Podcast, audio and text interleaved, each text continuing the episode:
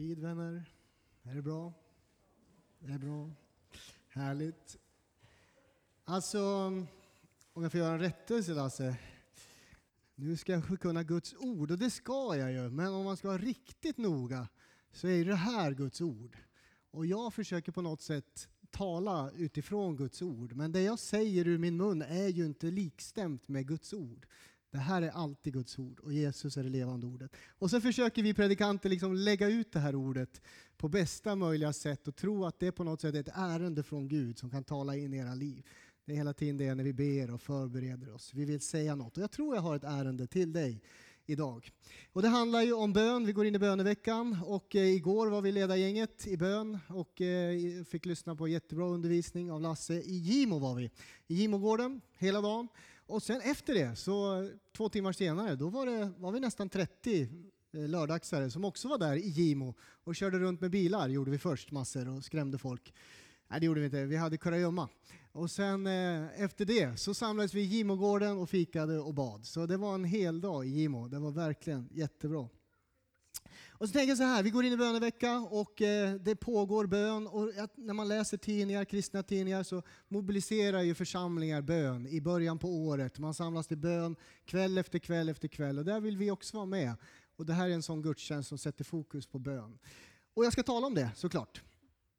Eh, att be, vad är det? Det är ju så otroligt mycket. När vi samlas på onsdagskvällar, då är det ju väldigt mycket förbön. Alltså det är en riktning utåt hela tiden. Vi ber för saker, för människor, för samhälle, för landet. Det är en väldigt sån riktning utåt. Men bön är ju oerhört mycket mer än det. Bön är ju att låta sig förvandlas, också någonting som går inåt. Jag förvandlas av Guds närvaro, av att vara i bön. Bön är ju, som Moder Teresa säger, är att förenas med Jesus. Det gudomliga och det mänskliga möts. Gud och människa blir liksom ett. I bön sker ju det, att man förenas med Gud. Bön är att bjuda in Jesus i sitt hjärta. Ha honom i sitt hjärta, men det är också att bli inbjuden av Gud in i hans hjärta. Så nära kommer man Gud när man ber. Bön är att lära känna Gud helt enkelt. Bön är ett begär som människan har inom sig. Vi är liksom födda, skapta, vi lever för att vara i bön. Det är någonting som lika naturligt som att andas, som att leva, röra sig. Vi behöver be och det är ett begär men det är också en disciplin. Vi liksom tvingar oss faktiskt ibland att sätta oss eller stilla oss i bön. Lärjungarna säger till Jesus här, lär oss be. I Lukas eh, evangeliet så ser de sin mästare Jesus be och så kommer de till honom, lär oss be mästare. Och jag tänker, det finns ingen annan gång de säger så till Jesus. De säger aldrig lär oss predika Jesus. Nej, frågar aldrig sin mästare om det. Lär oss driva ut demoner, lär oss bota sjuka, lär oss uppväcka döda. Det säger de aldrig till sin mästare Jesus. Det de säger är lär oss be, Herre. De förstår att det här är nyckeln till lärjungaskap, till att följa sin mästare. Och det handlar om. Eh, jag kanske har läst 30 böcker om bön. Eh, ungefär. I, min, i, min, I mitt kristna liv. Jag vet inte, jag försökte bara uppskatta vad jag har i min bokhylla. Men det betyder inte att jag har börjat be för att jag hela tiden läser de här böckerna. Faktiskt. Bön handlar om att förenas med Gud, att vara tillsammans med honom. Så med de orden som inledning så vill jag att vi läser en text ifrån Andra Mosebok 17. Andra Mosebok 17 och 8. Och det här är ju välkänt för, för många. Och de flesta kanske tänker på Micke Prytz. Det gör jag i varje fall när jag förbereder den här predikan. Grattis Micke! Du var med mig nere i källaren. Eh, varför då? Därför att på sommarlägret så spelade Micke den här liksom, huvudfiguren i det här dramat som utspelar sig i Mosebok. Och då såg jag honom framför mig. Det handlar om Mose helt enkelt. Och eh, Aron och Hur. Andra Mosebok 17. Visst var det i somras Micke? Ja, det var det. Ja. Han är inte 80 år, men han såg nästan ut som en 80-årig man när han stod där och ropade. Okej, eh, 17 och 8, där kommer det. Sedan kom amalekiterna och angrep israeliterna vid Refidim. Då sa Mose till Josua Välj ut krigare åt oss, dra ut och kämpa mot amalekiterna. Imorgon ska jag ställa mig på krönet av kullen med Guds stav i min hand. Mose gjorde, eller Josua gjorde som Mose hade sagt och stred mot amalekiterna medan Mose och Aron och Hur gick upp på kullens krön. Så länge Mose höll upp sina händer hade israeliterna övertaget men när han lät händerna sjunka fick amalekiterna övertaget. När Mose händer blev tunga hämtade de en sten åt honom att sitta på. Aron och Hur stod på varsin sida och stödde hans armar så att han kunde hålla dem uppe tills solen gick ner. Josua nedkämpade amalekiternas här utan förskoning. Herren sa till Moses, skriv ner detta så att det blir ihågkommet och läs det för Josua, ty jag ska utplåna minnet av amalekiterna från jorden. Då byggde Mose ett altare som han kallade Herren mitt fälttecken. Han sa, handen på Herrens fälttecken. Herren ska föra krig mot amalekiterna från släkte till släkte. Nu ber vi. Tackar dig Jesus för det här ordet. Det är ditt ord Jesus. Det levande ordet. Fader, tack Jesus att du vill eh, liksom säga något till oss, uppmuntra oss, utmana oss och liksom förbereda oss på ett liv i bön Jesus. Därför att där finns många nycklar. Nycklar till andligt liv, till befrielse, till förvandling Herre. För våra personliga liv, för vårt samhälle som vi lever i, för vårt land. Tack Jesus för ditt ord. Vi är så i Jesu namn. Amen. Jag tänker mig att Israels folk där ute i öknen utropar det kan inte vara sant. Här har Gud mirakulöst räddat oss från slaveri. De är i Egypten, de arbetar hela dagen. Deras identitet är att göra, eh, göra tegelstenar sju dagar i veckan, sliter de och arbetar. Gud har fört dem ut ur Egypten, genom Sävhavet eller Röda havet, upp på torra land, in i frihet, lett dem med en målstod och en eldstod. Och så tänker de så här, det kan inte vara sant. Nu blir vi attackerade av fiender här. Någon vill ändå förgöra oss. Jag antar att det skapar fruktan i deras liv. De blir rädda. Alltså, innan solen har gått ner så kan mina barn, mina barnbarn vara liksom dödade, avrättade. Liksom. Fienden här är där. Kvinnor och barn finns där som måste skyddas. Och det ser väldigt mörkt ut för Mose. Då samlar han ihop sina närmaste män och en av dem är Josua. Han ger dem tydliga instruktioner. Josua han får uppdrag att samla alla krigare. Han, han är ung, han är optimistisk tänker jag mig. Han tänker ingenting är omöjligt. Men han vet inte riktigt vad som väntar. Mose är 80 år, tror man. Kanske ungefär. Runt där. Han vänder sig till sin kanske 83-årige bror Aron och så till deras ingifta släkting Hur som också är över 80 år gammal. Ett gäng 80-åringar är det helt enkelt du ser framför dig. Moses säger vi måste gå upp och göra det vi måste göra. Här är det tre gubbar, tänker jag mig, när jag ser den här bilden framför mig och läser. Tre äldre herrar som, eh, som kravlar sig upp, eller de kanske går upp lite snyggt, så gamla är de ju inte, för kullen och tar sig upp på höjden. Och så tänker jag sig, vad ska de göra där? Tre 80-åriga gubbar, det gör väl ingen skillnad när det kommer ett gäng amalekiter. Ja, ni vet ju texten, vi har redan läst den. Men man tänker så här, vad ska de göra där? Ska de stå som någon fältherre och styra slaget och bestämma att nu gör ni så, nu skickar vi fram bågskyttar, nu skickar vi fram eh, fotsoldater, nu skickar vi fram rytteri, ryttarna. Eller vad ska de göra där? Eller ska de stå och kasta sten på fienden? Liksom, man kan ju undra när man läser i början på texten, nu vet ni svaret som sagt, men man tänker ändå när man läser texterna, varför går de upp på en kulle? Ska de bara spana på det som händer? Ska de förbanna sina omständigheter? Nej, vad gör de på kullen? Ja, de gör det varje tvåårig pojke eller flicka gör när man är i fara, när man är i knipa, när, det, när man är rädd. Jag har flera söner, tre. Elia, Jona och Gideon. Och innan vi flyttade hit bodde vi i Norsjö. Vi bodde i ett litet hus vid en eh, fin liten sjö. Det var ett oerhört offer att lämna. Nej, vi fick det jättebra här också. Men i varje fall, vi lämnade den. Vi hade badstranden där. Och varje år i maj, ungefär 15 maj, gick isen på sjön. Ibland ända fram till 25 maj. Spelar ingen roll. Isen går i maj och sen i juni så började det bli lite soligt och varmt. Och då gick vi ner till badplatsen. Ni förstår, det har bara gått två veckor sedan isen gick och så ska vi bada. Det måste man göra. Eh, för det är ju sjön ligger ju där och det är ju iskallt. Och så skickar vi ner barnen eh, och de springer i och jag minns, jag tror att det är Jona, två år gammal, springer i och han hinner ju bara gå några steg ut i det kalla vattnet så blir han ju frusen till issten och han står och skriker pappa rädda mig. Han lyfter sina händer mot sin pappa som är jag. Kan du rädda mig? Kan du dra mig upp ur det här? Han kan inte ta sig därifrån. Utan jag som far griper tag i honom och räddar honom ur det farliga, kalla vattnet. Jag tänker att det är det faktiskt de gör i den här berättelsen. Eh, 80-åriga män det är stor fara för folket, stor fara för landet. De går upp på berget och som ett barn så lyfter de sina händer till sin far i himlen. Du måste gripa in. Du Gud måste rädda oss. Det finns ingen annan väg för oss. Om inte du griper in, då är det kört. Annars blir det blodbad. Det här är den första bilden jag ska ha med dig när du går in i bön. Bön med lyfta händer handlar det om idag.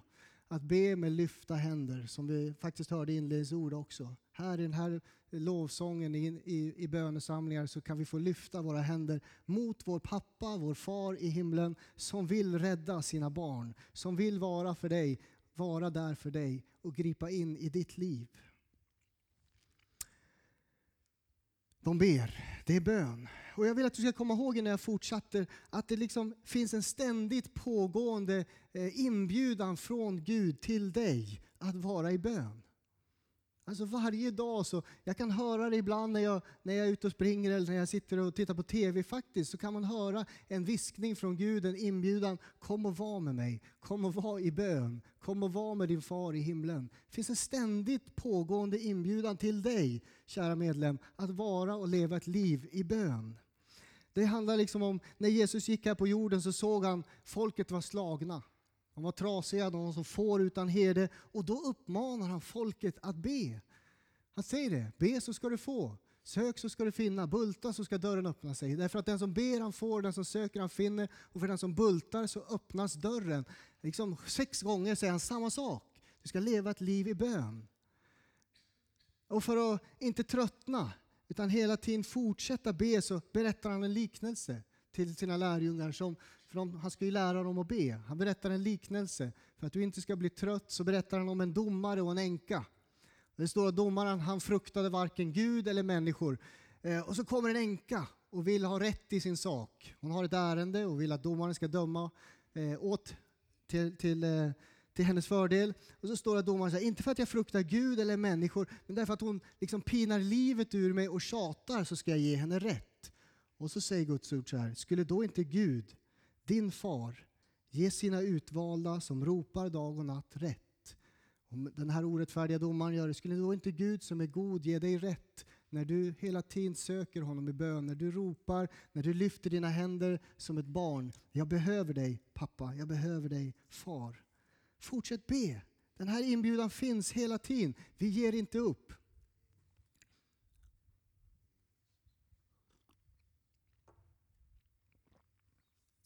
Vi lever i bön. Det står i texten, så länge Mose höll upp sina händer hade israeliterna övertaget. Men när han lät händerna sjunka fick amalekiterna övertaget. Jag vet inte om du läser den här texten som jag och funderar lite, för det gör man ju när man läser en text. Det gör man varje gång man ska predika. Man läser en text gång på gång och man funderar lite, vad är det som händer i texten? Och när man läser den här texten så undrar jag hur lång tid tar det för Mose och Aron och Hur att se sambandet mellan deras böner och övertaget på slagfältet. Hur lång tid tar det innan de fattar att deras böner gör sån stor skillnad? De går upp där för de anar att vi måste ropa till vår far för annars är det kört för vårt folk. Och så lyfter de sina händer och så är de i bön kanske en timme och sen tänker de nej, nu sätter vi oss och fikar en stund. De tar fram lite bröd och honung och lite dadlar och så sitter de där och har en liten schysst eh, förmiddagsfika som vi alltid har här i kyrkan och ni kanske har. Och så, så märker de, kanske hur spanar med sina gamla ögon ut på slagfältet och ser oj, det vänder visst. Det går inte bra för vårt folk, vi måste be igen. Och Mose ställer sig upp, sträcker sina händer, händer och så ser han, wow, nu får vi övertaget igen. Och så kommer man till lunch, för man blir ju hungrig. Och så sätter de sig ner och så tar de fram, eh, hade de manna och vaktlar ja, i öknen. Och så sitter de där och äter sin manna och sina vaktlar. Och så märker de, oj, eh, Aron spanar, det går inte bra för vårt folk längre. Och så ställer de sig upp och så sträcker de sina händer och så börjar de ana, det finns ett samband med deras lyfta händer och vad som händer på slagfältet. Kanske avfattar de det direkt, men jag försöker fantisera och tänka liksom, nej, det tar ibland ett tag att fatta att alla sammanträffanden du ser i ditt liv, det kanske beror på bön. Vi pratade om det i veckan faktiskt i arbetslaget. Liksom Guds tid och Guds eh, tillfälle och hur Gud liksom har kommit i rätt tid.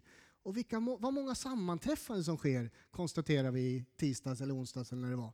Eh, och så sa vi så här, men det är ju inte sammanträffande. Ju mer man ber, ju fler sammanträffande sker ju. Därför att det är liksom, Gud är på vår sida. Han låter oss liksom få fördel därför att vi är i bön. Så det tar ett tag här och så börjar de förstå. Det är ett allvarligt läge men de lyfter sina händer och de fattar att utgången i den här striden beror på vad deras händer är. Och jag tänker det här är budskapet, ärendet till dig idag. Hur du tar dig igenom livets strid och kamp beror på vad du har dina händer.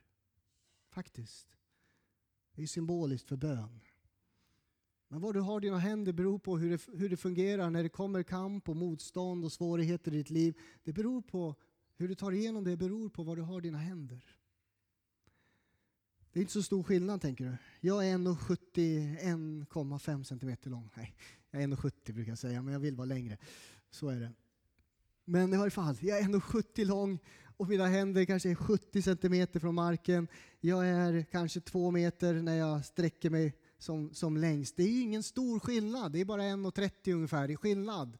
Men när det handlar om det andliga livet och bönelivet så gör det all skillnad. Om dina händer är liksom på sidorna, jag har slutat be, eller om de är lyfta mot din pappa i himlen som hör dig och som vill rädda, som vill gripa in. Det gör all skillnad var du har dina händer. Jag hoppas du har märkt det här. Jag har i tider i livet liksom sett att mina händer är lyfta likt en tvååring. Jag har hela tiden varit beroende av min far i himlen. Jag har haft en förväntan, jag har haft en tro att han ska gripa in i mitt liv. Jag har förstått att pappa i himlen, han är full av nåd, han är god mot mig, han är barmhärtig, han är kärlek. Och han bara längtar efter att få hjälpa mig. Jag förstår det ibland i tider. Jag upplever ibland gudomlig fördel, favör, att jag är helt rätt eh, när jag går tillsammans med honom. Och så kan jag liksom se, det är ju tider när mina händer är lyfta. Jag kan också i de tiderna se att det är svårigheter, det är kamp, det är inte bara lätt, det är inte det jag säger. Men mina händer har varit lyfta hela tiden mot Gud, för han är min hjälp. Och så finns det ju tider när händerna liksom faller. Det ser ut i mitt liv i varje fall. Jag har varit kristen sedan 1997, 18 eh, juni, juli. Och jag menar, det finns ju tider när händerna faller. Man orkar inte mer, de blir hängande längs sidan. Man orkar liksom, man, man distanserar sig från Gud på något sätt. Man kan själv.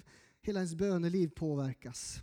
Så går månader, man märker att jag börjar förändras i mitt beteende, i mitt sätt att tänka. Eh, jag börjar springa på i ett ekorrhjul, ni vet det här ekorrhjulet eller hamster eller marsvinshjulet som bara snurrar och snurrar och snurrar. Jag springer och jag springer och springer och jag ser ingen frukt av det jag gör.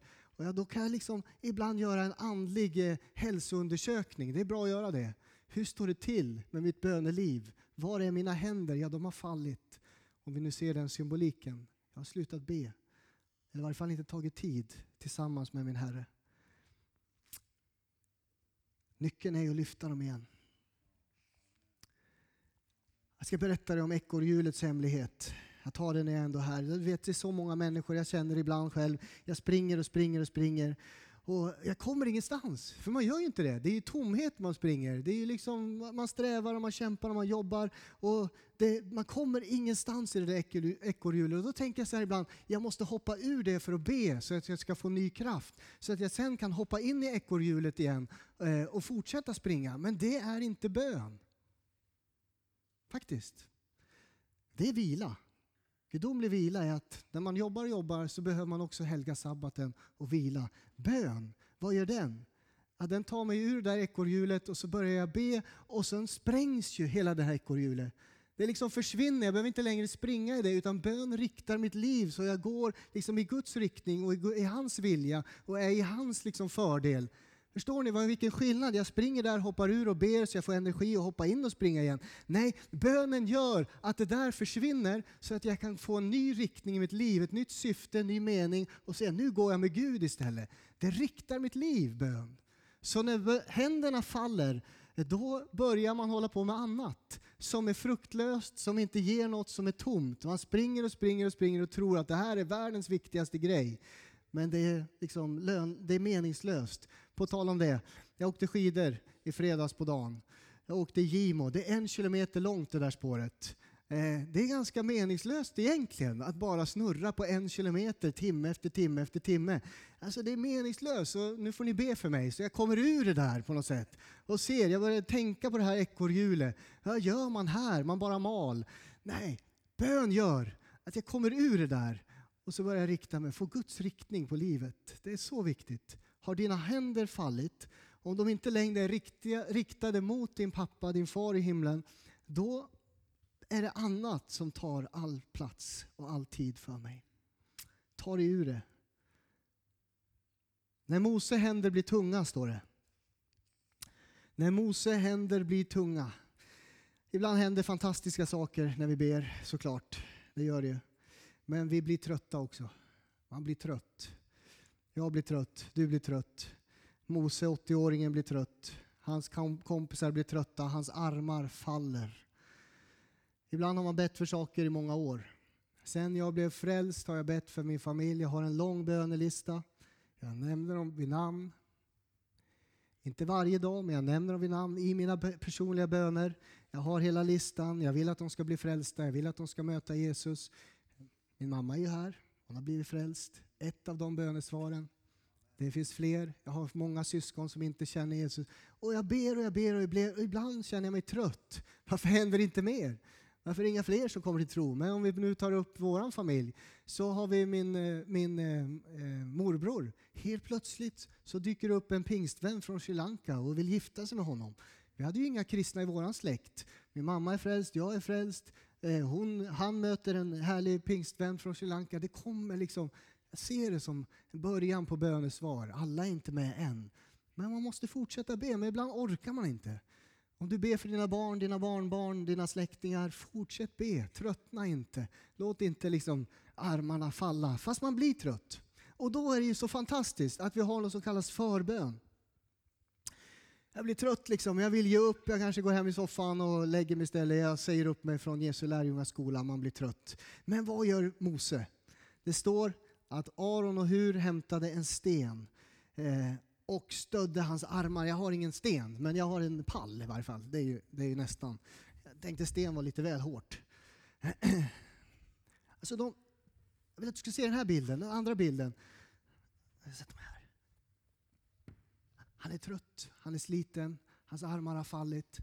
Så hämtar han om en sten, de rullar fram den, han sätter sig där hårt på den där stenen, det kanske gör ont i rumpan, jag har ingen aning. Men i varje fall så ser man två, jag ser det här framför mig när jag läser texten, två äldre herrar, eh, skäggiga, gråa, eh, sol, eh, liksom brända i ansiktet, de har varit i öknen länge. Och så kryper de upp under hans armar och lyfter eh, Mose armar och stöder honom och de säger, jag ser att du är trött, vi ser att du inte orkar, men vi kommer vara här och vaka och be med dig tills liksom, segern är vunnen. Han är inte ensam. Och Det här är förbönstjänsten. När du blir trött, när du inte orkar, så går du till dina syskon, systrar och bröder och ber dem be med mig. Hjälp mig, lyft mina händer på nytt, lyft min blick på nytt. Det är det vi gör i församlingen. Jag hoppas att vi har en sån gemenskap. När Jesus är i Getsemane, då står det att han våndas, han ber, det liksom droppar blod från hans panna. Han är i stor ångest över att han snart ska avrätta. Vad gör han då? Ja, han ber ju såklart. Men vad gör han innan? Han säger åt sina kompisar, kom med mig och be. Vaka med mig. Be med mig. Han hämtar sina närmaste vänner. Och jag tänker varje gång du är i den här djupaste nöden, de här svårigheterna och inte orkar lyfta dina händer själv. Ja, du måste ha syskon omkring dig kanske i din hemgrupp, kanske någon nära förebedjare som du ringer och talar om kom och hjälp mig, lyft mina händer på nytt så att jag kommer igenom det här svåra som har drabbat mig. Det är liksom församlingsgemenskap. Ibland tröttnar en, och lyfter en annan mina händer och ber för mig så jag kommer tillbaks. Ta den bilden med dig. En pojke som lyfter sina händer till sin pappa, en eh, Mose som sitter tyngd men det finns andra som bär hans armar.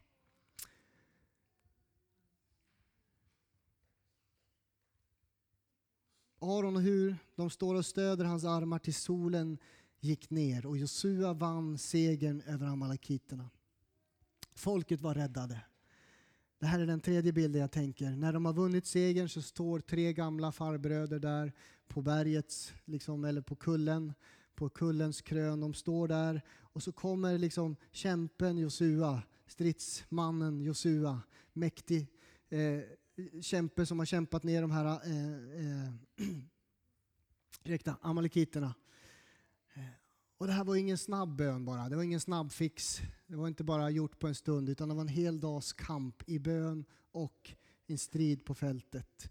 Och så kommer han ridande och så tänker jag att han på något sätt tittar upp på kullen och ser det här äldre gardet som har varit i bön och han förstår att segern beror inte bara på vad han har gjort utan den beror på vad de har gjort där uppe på kullen. Han anar sambandet även han.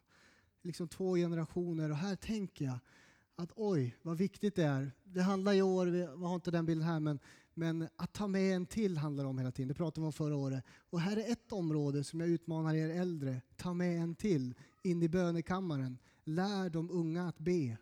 Lär de unga att lyfta sina händer och att vara i bön. Du som är förälder, lär dina barn. Du som är farförälder, lär dina barnbarn eller barn. Du som är en andlig far i den här församlingen, lär dina barn att be hela tiden. Det här har jag lärt mig på olika sätt. Dels att jag jobbar här i Furukyrkan såklart som ungdomsledare. Att man var på bön varje morgon och halvsov såklart ibland, men ibland väcktes man ju. Men man var där i varje fall, för man skulle vara där. Eh, men sen har jag också åkt på team evangelisationsläger. Jag vet inte om de finns längre, men vi åkte, flera stycken av oss. Vi åkte och då var jag alltid i bönetjänsten. Man fick välja team man ville vara. Och jag valde alltid bönetjänsten och åtta timmars bön varje dag. Jag kan säga ungefär två, tre dagar så sov jag mest nästan. Man försökte liksom gasa igång och vi sjöng lovsång och vi, vi gasade. Och Sven Örman var där och en annan pastor Bondesson. Riktiga förebilder i bön. Och de var där och bad och bad och bad och jag satt på en stol och jag försökte vara med. Men efter ungefär tre dagar så infinner sig någonting att eh, jag väcks i mitt inre. Det tog ungefär tre dagar varje gång. Att väckas och vakna i sitt inre. Att vilja vara i bön. Jag visste jag skulle vara i bön och de manade på och de bad och de sjöng och jag satt där och försökte vara med. Men efter tre dagar så vaknade även jag. Och min ande vaknade. Jag kände här, det finns ingen plats som är bättre att vara på än att vara i det här bönerummet åtta timmar om dagen. Men det tog tid att komma dit. Det var ingen snabb liksom, lösning.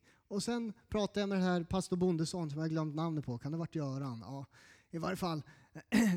Då skulle vi ha nyårsfest. Han sa, ja, jag har alltid fest. Jag är i bönerummet varje dag. Det är fest för mig. Och vi tyckte han var gammal och mossig och gaggig. Liksom, vi måste äta god middag och ha, ha roligt här tillsammans. Men i varje fall, det han hade upptäckt var ju, det är ju fest att vara tillsammans med Jesus. Han älskade verkligen att vara i Guds närvaro, att vara i bön. Det var det viktigaste för honom. Och jag började ana det här genom att vara vecka efter vecka. Så jag åkte på många läger och var alltid i bönetjänst. Stod aldrig på estraden. Var aldrig, undervisade aldrig, predikade aldrig. Jag var där som pastor och jag var alltid inne i det där bönerummet och bad. Även när jag jobbade som pastor i Vänersborg. För att jag förstår, man behöver tiden. Och nu har jag ibland svårt att hitta den. Man behöver avsätta. Men det Sven Örman och, och Bondesson lärde mig liksom, var att det som sker här på den här staden, vi var i Helsingborg, vi var i Edsbyn, vi var i eh, Ludvika, vi var på flera orter. Det som sker i den här staden beror på att vi är ett folk i bön, att vi ber. Det är så vi vinner segern. Så de bad. Och jag tänker, Josua, eh, han förstår det. När han eh, glider fram där till de här äldre och förstår, det är ni som har vunnit segern. Jag har kämpat här nere men ni har gett mig kraft. Gud har gripit in. Jag säger det, ärendet idag var, var så, hur du tar dig igenom livets olika kamp och strider beror på var du har dina händer. Är de lyfta mot din pappa, din far? Eh, du ropar rädda mig, hjälp mig, jag behöver dig. När du inte orkar själv så kom in i församlingens gemenskap. Be dina syskon, systrar, bröder, be med mig, lyft mina händer på nytt. Och om du är en äldre bedjare, börja dra med dig de unga och be. Kanske hem till dig och börja lära oss att be. Vi behöver lära oss att be. Eh, det är det det handlar om den här veckan framöver. Det är 2020.